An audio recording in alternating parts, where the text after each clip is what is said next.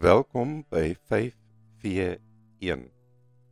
5 minute vir die eerste dag van die week. Ek is die gasheer Martin Badenhorst van die Predikerorde of Dominikaners. Die fees van alle heiliges, Sondag die 7de November 2021. Makario hoi ptohoi toi pneumati. Nou en dan help die klank van 'n frase in die oorspronklike om die trefkrag van die teks aan te dui. Wat as gelukkig in die Bybel 2020 weergegee word, het groter trefkrag in die Grieks. Makarioi. Die ellelange welgeluksalig van die 1953 vertaling het die betekenis van die Grieks beter weergegee. Dit is net soveel 'n opdrag as wat dit 'n beskrywing is. Hierdie luide uitroepe lê die lang bergpredikasie in Matteus en die vlakte predikasie in Lukas in. Uit eenlopende blikke op dieselfde voorval wat albei een rigting aandui.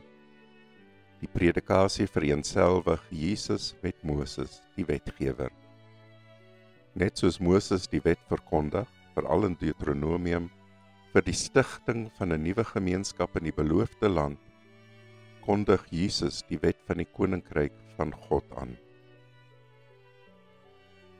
Altwee verkondig die verhoudinge wat 'n nuwe werklikheid by die intrede van die beloofde tuiste sal vorm. Die heiliges erken deur die kerk en meer algemeen die eerbare ontslapenis erken deur familie en vriende is hulle wat die beloofde tuiste binne getree het deur die gang van hulle lewens. Dikwels was hulle pad stormagtig en wankelend. En dit bemoedig ons dat ons ook deur die daarstel van die saligsprekende daardie beloofde tuiste toe kan tree. In verdere ooreenkomste tussen Moses en Jesus is dat hulle die wet voor die volk hou net voor hulle afsterwe.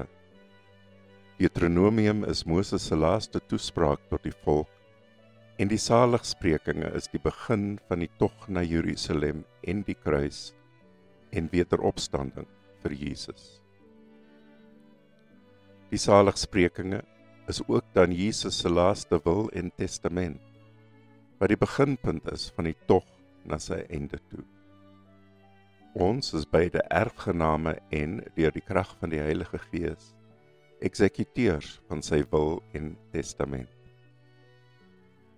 Die skare heiliges is hulle wat hulle erfenis en opdrag van Jesus met erns ontvang en uitgevoer het. Ons word geroep tot daardie skare. Ons sien 9 saligsprekinge hier in Matteus. Ons sien 9 saligsprekinge hier in Matteus. Dit vorm vir ons 'n algemene Hebreëse metode. Die middel is die as, die kernpunt. En die lys van die vier pare stellings om die middelpunt lig die middelpunt toe en vul mekaar aan.